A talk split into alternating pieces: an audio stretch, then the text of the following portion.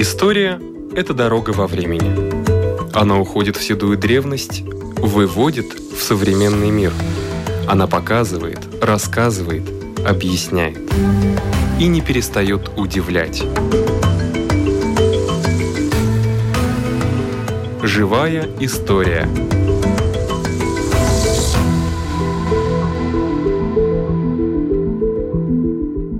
У микрофона Лидия Чера.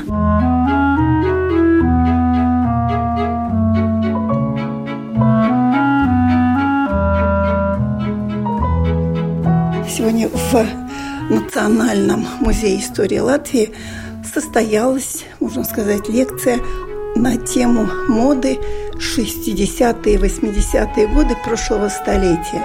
И лектором была модель, дизайнер Аснате Смелтере. Глядя вас, мне кажется, вы даже и не помните такое время. Да, спасибо, но помню очень хорошо, потому что время было очень интересное. Если начинаем с 60-х годов, то это, как назывались, революционные годы в культуре. Не только у нас, но во всей Европе, во всем мире. Все было как-то заново, какая-то новая волна сильная. И в музыке, и в архитектуре, и в литературе, и в танце, и, конечно, тоже в моде. Рижский дом моделей был известен, по-моему, всему бывшему Советскому Союзу и, наверное, за его пределами. Вы же там работали? Я Рижский дом моделей, да. Я в 15 лет стала моделью в Рижском доме моделей. Меня взяли со школьной скамьи, как говорится, и пригласили как раз на той случай, что была программа сделать новые школьные формы. И для новой школьной формы нужна была модель, которая соответствовала всем параметрам. Стандартам. Стандартам, да. И я ходила в 10 классе еще была, подошел какой-то художник из Рижского дома модели и пригласил меня на пробу в дом модели. Ну, вот я там пошла. Понравилось? Сначала нет, я вообще не знала, что это такое мода. Я помню художника сказал, хочешь показывать моду? А я не помню, чтобы я видела какой-то журнал мод до этого. Наверное, нет. Я танцевала в балетном кружке, сцена мне была известна, и прожекторы меня не смущали. И вот так я пошла там, и началась на меня эта разработка новой модели. Это было синее платье, были юбки, жакетики из очень интересной ткани синей, шерстяной, люкс. Первая ткань была, первые ткани были абсолютно шерстяные, потом уже подбавили там синтетику. И вот это приглашение только на школьную форму окончилось, и мне предложили поработать еще один год в детской группе Рижского дома модели. Поработал еще один год, еще одно лето – и так это лето вокруг моды уже почти продлилось всю жизнь. Ну, это уже 60-е годы, да? 62-й год я пришла. 62-й год. Какая была мода? По-моему, такие по-моему, широкие юбки, затянутые талии. Да, это было параллельно. Я помню, самое, что было, это было мины и длинные сапоги. В 60-х годах были мины? Это в 67-м году, когда мы первый раз выехали за границу в Монреаль. Это Экспо 67, Канада, Монреаль. И вот тогда была, как сказать, поход славы на мины и на длинные юбки. Коротенькие платья, трапеции. Конечно, это широкая юбочка и талия, это все, но оно но как... Это да, оно чуть обратно, так, может, начало 62-го, 3-го, так. Эта мода осталась надолго еще. Вы разрабатывали свои модели или за железным занавесом было легко перенять что-то из-за границы, ведь занавес все прикроет? Ну, занавес может покрыть очень много технических дел, но такая художественная мысль, она летит через все занавеси. И художники выставляют свои антенны и вылавливают идеи так. Но в Рижском доме модели был свой методический кабинет. В этом методическом кабинете были журналы, самые знаменитые. Был Vogue, была линия Итальяна, были и польские журналы, Пшекрой, Кабиета и Жеси были, и была Бурда. Но Рижский дом модели смотрел на большие идеи, на итальянскую моду, на Vogue тоже. И немецкий журнал больше использовался для технических нужд, потому что там были очень-очень-очень хорошие выкройки для всего, я думаю, до сих пор еще этим он снабжает весь мир журнал Бурда. А такой взлет мысли, конечно, был с э, итальянской, французской, американской моды тогда. Ну, тогда много шили. Шили, делали выточки, обрабатывали швы. Посмотрите сейчас – да, но мир настолько поменялся, тоже, что даже сравнивать трудно. Многие вещи сравнивать трудно. И мода сама, она, если не мини, но это приталенная мода, там нужно было мастерство дребник, это э, как это портного. портного, мастерство настоящее. И это было, эта школа была, была в Латвии. Частично она осталась уже от старых мастеров, что вот теперь вышла книга «Элегантная Рига», и частично у нас была очень хорошая школа Летища Максас школа, школа прикладного искусства. Она дала очень хороших мастеров э, и художников хороших, очень хорошее образование было в это время mm-hmm. для моды. А Академия художеств открыла факультет моделирования. Точно сейчас не скажу, около 80-х, наверное. В 76-м, наверное, так. Портнихи тогда были, умелицы были хорошие, но ткани, ткани отставали. Как я вам скажу, может, и были хорошие ткани. Производство было хорошее. У нас местное. У нас местное тоже было хорошее, но трагедия была все в том, что она отставала от моды, от дыхания мира. Она отставала. Это качество отставало. Почему? Потому что легкая индустрия, она была очень объемная. И когда идет волна на такие объемы, очень трудно ее подстраивать под модные какие-то элементы, под цвет. Это была вечная проблема в советской моде, что мы не могли быть эластичны в индустрии индустрии. Это верно. А потом началось время кремплина, кремпленомания. И вначале, наверное, все очень обрадовались. Ткань не мнется, яркие расцветки, но потом как-то это Рижский дом моделей не очень увлекался кремплином. Кремплин как бы была такая мода, трудно определить. Ширпотребная. Ширпотребная, точно. Потому что Рижский дом моделей был очень-очень профессиональный даже в выборе ткани, в понимании чувства, что это такое ткань, как она ведет себя, как человек чувствует в ней. Кремплин был довольно жесткий. В кремплине люди потели.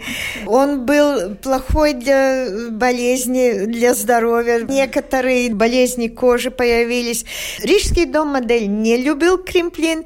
Кремплин в Советском Союзе не производили. Я помню, если не ошибаюсь, и он считался как импортная ткань, но он, конечно, был очень удобный в сравнении с этими натуральными тканями. И люди, которые ехали в командировки, которые были заняты всегда где-то на сцене или должны были сразу вылететь, выехать на какие-то конференции, они, конечно, были обрадованы этим удобством. Потому что не мнется. Это главное да. удобство. Скажите, у вас были какие-то эксклюзивные активные клиенты. В Латвии была такая система, что было Министерство э, легкой промышленности и было Министерство sadzīves pakalpojumu ministrija. Министерство легкой промышленности обслуживало всю легкую промышленность, все огромные заводы. И это была одна сильная такая дорога, индустриальный пошив. И Рижский дом моделей разрабатывал модели для этой индустрии. И плюс творческая дорога была приготовление э, коллекции для показов мод, для, как называлось тогда, эстетическое воспитание народа. Эти были отдельные коллекции и коллекции, которая была так как бы пропаганда советской жизни, коллекции, которые разрабатывались для зарубежных выставок. Это опять был другой творческий подход совсем. А Министерство садзības pakalpojumu, бытового обслуживания. бытового обслуживания, они занимались вот этими заказами. Mm-hmm. Люди заказывали одежду там, обувь могли даже заказывать, были разные ателье. Так что потом уже построили этот дом на Бривибас Ригас Модес. Это тоже было все для исполнения заказов и сотнями маленьких ателье вокруг города Риги, э, где можно было сделать свой заказ. Я спросила про эксклюзивных клиентов. Я имела в виду а для вот, кого-то. Да, и вот эксклюзивные клиенты могли обратиться в Ригас Модес. Mm-hmm. Конечно, всегда есть особые случаи, и мы пошивали какими-то актрисами там, я не знаю, даже начальником каким-то, но это было тихо, это было мало. Mm-hmm. Главный исполнитель этих заказов был Ригас Модес и ателье, и Балтиес Модес, очень известный известное ателье. Вот там надо было стоять в длинную очередь, которой можно было дождаться 2-3 месяца, чтобы попасть к хорошему мастеру. Ну да, обувной элегант, я тоже помню, там да. даже ночами стояли. Да, да, да, да. Как из модели, которая да. демонстрирует да да, я Вы стали дизайнером да. одежды. Да. Но я всегда смеюсь, что у меня была самая лучшая возможная школа. Это 25 лет стоять рядом с художниками-дизайнерами, с конструкторами, с технологами, которые э, анализировали все плюсы-минусы всех тканей. И все это на моих плечах. И если ты заинтересован что-то узнать, то это огромнейшая школа, огромный опыт. И огромный опыт, опыт между тем, что одно, как это делается, второе, как ты его носишь, как ты его выносишь в общество, на подиум моды, и как люди на это реагируют. Вот и она, эта школа. А как складывалась ваша карьера? От модели? Как вы шли, по каким ступеням, какие должности занимали? Все говорили, как ты выбрала такую дорогу? Я могу сказать, что как-то жизнь меня всегда взяла и поставила на какие-то рельсы, которые я и не мечтала, и не выбирала. Вот ты здесь, и вот ты делай это, и учись, и теперь вступай по этой дороге. И я, когда было мне 40 лет, мы уехали на выставку в Японии, где мы демонстрировали латвийскую моду, Дни культуры Латвии Японии. И это был музей жемчуга старинного японского. На наших платьях ставились эти украшения, и мы показывали там. И я чувствовала, что я немного устала от этого всего. И дом, и дети, и семья, и работа, и переезды, и я решила, что, может, самый идеальный момент в жизни и такой красивый момент в этом музее и после показа, что я, наверное, кончу эту работу. Да. И когда уже там забрали все жемчуги, унесли э, за музейные ящики, всегда приходят тогда люди с шампанским, мы выпиваем шампанское, и я говорила, мои дорогие коллеги, мои друзья дорогие, это мой последний показ.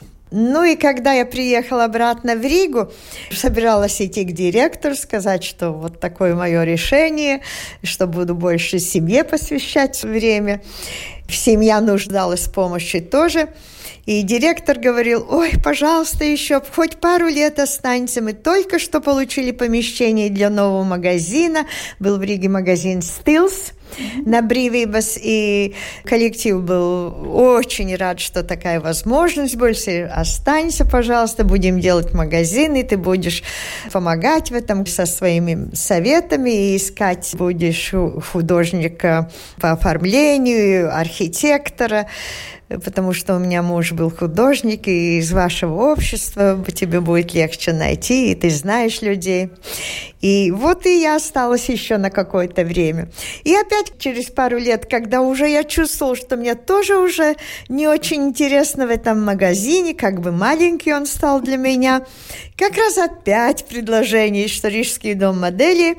Будет делать свой выставочный зал на Ленина 24, тогда она называлась, это Кальте 24 сегодня, и назначили меня там директором будущего выставочного зала. И опять стала по той же дороге, опять искала архитекторов, строителей, строили новый выставочный зал, что будет у нас выставочный зал моды с большими планами. И вот так получилось, что опять меня поставили как шахматную фигурку, и я делал то, что меня радовало фактически. Это был Балтийс Намс? Нет, это рядом с Балтийс Модес ателье. Ближе одно здание как-то к памятнику ближе. Да. И там на втором этаже и на первом этаже был Рижский дом модели. Это было его помещение. Наверху был демонстрационный зал. Внизу какое-то время там был обувной отдел, который совсем уже там не подходил. И потом была там в первом этаже редакция Ригас Модес так решили, что будет там выставочный зал. Прекрасный проект, интересная работа. Ну вот поступили в 90-е годы, и опять перемены, и опять думаем все по-другому. И дом модели уже на новой экономической системе уже тоже не мог выжить потому что поддерживала, все деньги были государственные в это время. Я не слышала тогда в Дом модели какие-то экономии, такие времена такие позиции не было. Ну и тогда мы решили, что если Дом модели не может выдержать, делаем свой маленький зал и будем там работать. Правильное решение. Да. И опять мы встречались с новыми экономическими проблемами, с той проблемой, что где деньги, откуда деньги. Мой характер такой, что идти умолять какие-то спонсоры, это мне казалось, что это неестественно, это никак неприемлемо мне. И, ну, что будем делать свое производство? И, и от своего производства мы будем делать наверху, будем делать выставки и разные мероприятия, пока заказы. И получилось. И получилось. И получилось благодаря очень хорошему швейному цеху. Знания, мне казалось, по моде у меня были достаточно. И желание самой делать коллекции было большое.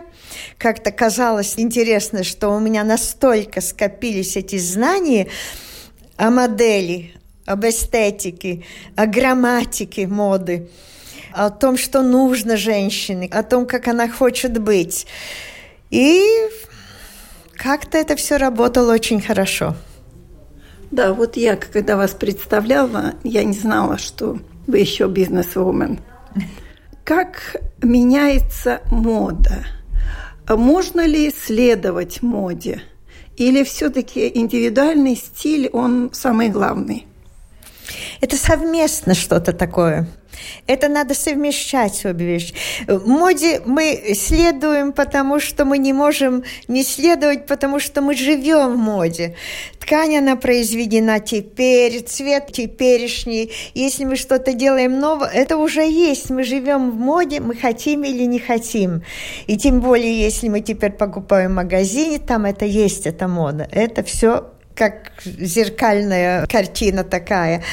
И, конечно, свой личный стиль мы находим, мы находим довольно скоро каждая женщина находит то, что это ее, ее цвет, ее стиль, ее поведение, ее профессии, что она должна одевать.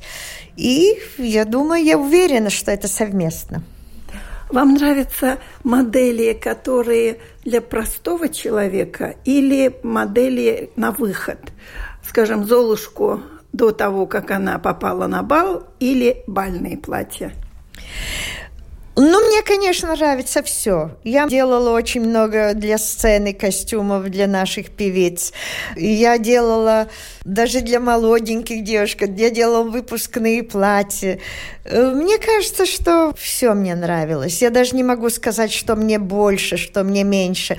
Меньше, может, я могу сказать, что конкретно такой заказ человека меня меньше интересовал, как сделать образец какой-то такого жакета, костюма или какой-то модели, которая бы большим тиражом шла.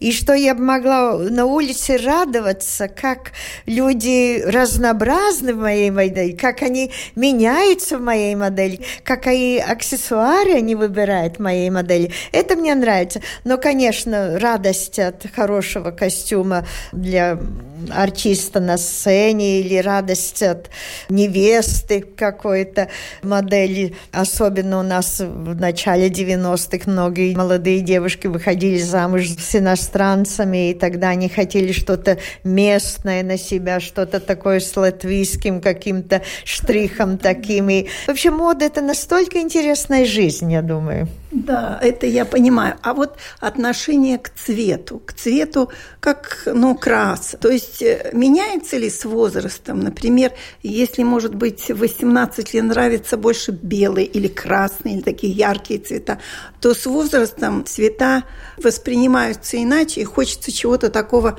более, ну, серого, коричневого. Да, но мы все равно находимся под давлением моды. И теперь виртуальный экран показывает нам настолько яркие цвета, что мы уже привыкли к этому, и мы уже тянемся к чему-то более яркому. Как бы вот латвийская школа, когда мы начали 70-е, все мы радовались о этих бежевых, о этих сереньких, о этих таких тонах. Да, да, вот такие тона. Теперь нам мода, большая мода с большой буквы, зовет больше привлечь внимание к этим ярким яркими тонами. И я думаю, вот как вы говорили, с возрастом нам надо выбирать больше яркие цвета. Они как-то улучшают энергетику. Есть, правда, иногда какой-то риск от очень ярких. Они могут простить женщину mm-hmm. тоже. Но там это делать чутья.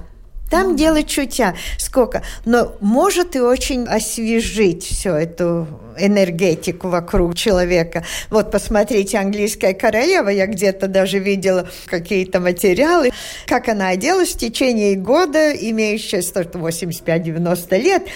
У нее все цвета радуги на ее костюмах. Да. У нее такой стиль. Конечно, в 70-х она не одевала такие яркие, значит, это тоже мода ее затянула в свои э, объятия. Мода, она затягивает. Не хочется быть старухой раньше, чем ты нет, нет, станешь. Цвет помогает цвет помогает. Но только надо смотреть, чтобы он не простил. Бывают случаи, что цвет может и немножко простить. Правильное выражение.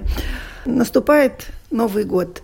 Вот посоветуйте, что, какие брать за основу, как встречать Новый год, в чем я думаю, смело мы можем смотреть на блестящие материалы, смело. Также еще и еще раз обращайте внимание на цвет. Также, может, на какую-то легкость такую, может, не так серьезно подойти к рождественско-новогоднему времени. Ну, женственность до сих пор очень сильна в моде. Белый цвет тоже прекрасный цвет для белой зимы. Возможностей очень много. Ищите, смотрите, смотрите вокруг себя, смотрите в журналах. Где ваш взгляд остановится, где ваша рука подтянется, это и будет ваше.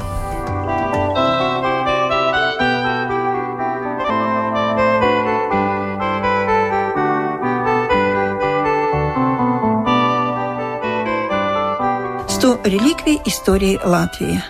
Ирина Зейбарте. Если мы вспомним, что Рождество – это только пусть простят меня верующие, с одной стороны, религиозный праздник. Корнями все-таки этот праздник уходит в языческое прошлое, потому что 24, 25, ну, начиная, наверное, с 22-23 декабря, это дни солнцестояния.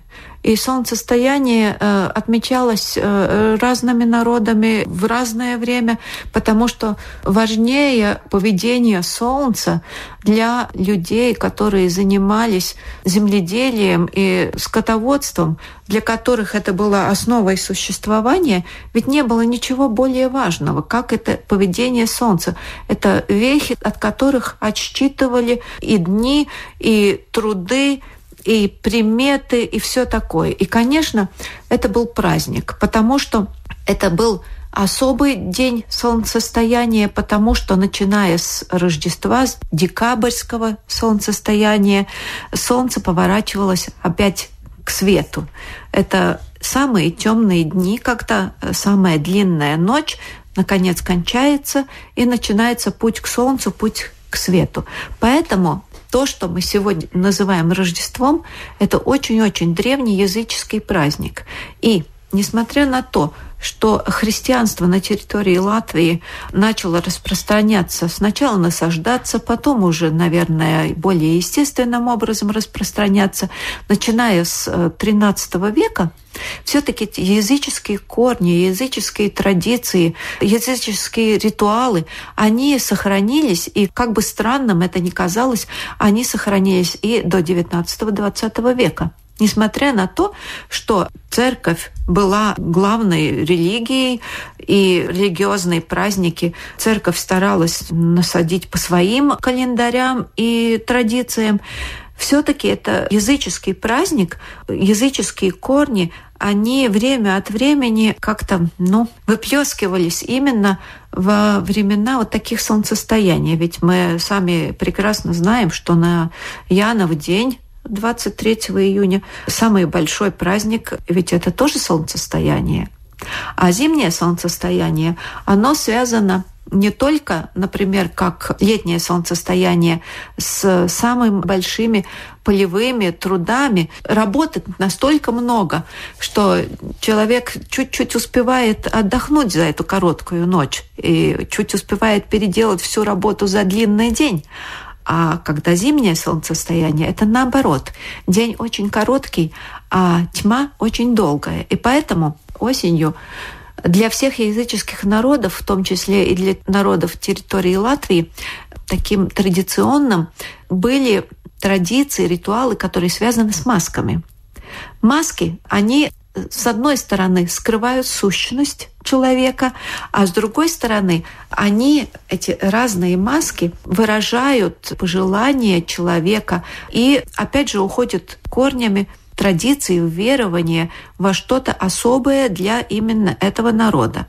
Маски были на территории Латвии очень разными.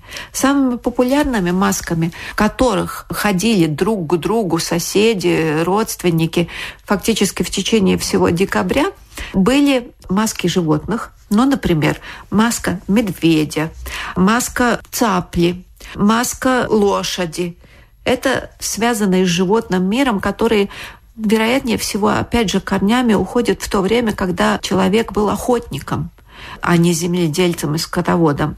Есть маски, которые связаны с другими верованиями. Например, старичок или такой бедный человек, ну, почти даже, можно сказать, нищий.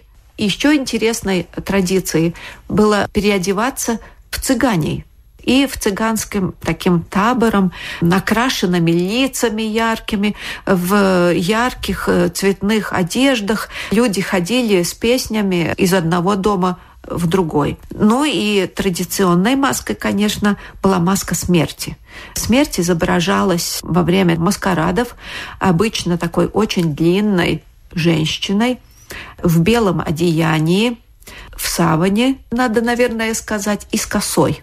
Это традиционный образ смерти, потому что смерть, она вездесущна, она рядом. И, вероятнее всего, во время таких маскарадов это тоже напоминалось человеку, что рядом с весельем, рядом с танцами, с песнями всегда и смерть.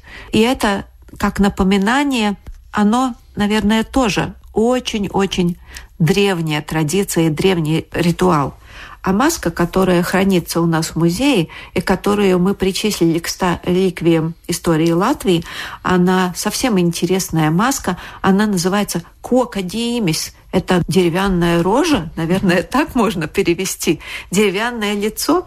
Оно совсем не похоже на другие маски. Эта маска это лицо, рожа, оно сделано из куска дерева, к лицу человеческому оно привязывается, и на этой маске фактически ничего нет, кроме как волос, бороды и усов из пакли. И выглядит она довольно страшновато, эта маска. Но еще Почему это такая маска, с одной стороны, страшная? Почему она скрывает лицо человека? Потому что это связано и с такими мистериями, которые связаны с духовным миром человека. Маска – это способ и принести добро, и принести зло. И маска – это способ скрыть свою сущность сущность человека, который надевает маску, он становится другим. Он вдруг становится медведем, он вдруг становится цаплей. Он э, изображает это животное по таким причинам, которые, ну, я думаю, все-таки мы сегодня, современные люди, уже не в состоянии полностью восстановить. Это уже останется, я думаю, навсегда тайной полностью, что это подразумевалось именно этой маской, именно этим животным. Эту маску датируют наши этнографы концом XIX века – и можете представить себе и размеры. Длиной, вернее всего, надо сказать, высотой 24 сантиметра. Представьте себе, ну, это как раз, лицо. чтобы прикрепить да. на лицо. И ширина 16,5 э, сантиметров. Это примерно человеческое лицо. Прикрепляем и идем маскарадом, или, как по-латышски говорят, текатас, уже весь декабрь, потому что еще, наверное, надо напомнить об этих языческих традициях. Ведь 29 сентября это Метельдена, день Метелиса, до 10 э, ноября Мартиндена был такой период в латышской традиции Велю лайкс. Мы уже говорили об этом периоде. А потом Время духов. Мартини от 10 ноября до Маслениц, когда начинается Пасха, вот это именно и есть период, когда люди ходят, надев маски один к другому, и урожай собран, есть время подумать, есть время встретиться с соседями, с родственниками. Это и время общения, и все вместе ожидают возвращения света и солнца. У микрофона была Ирина Зейберта. На этом наша передача заканчивается. Всего вам доброго.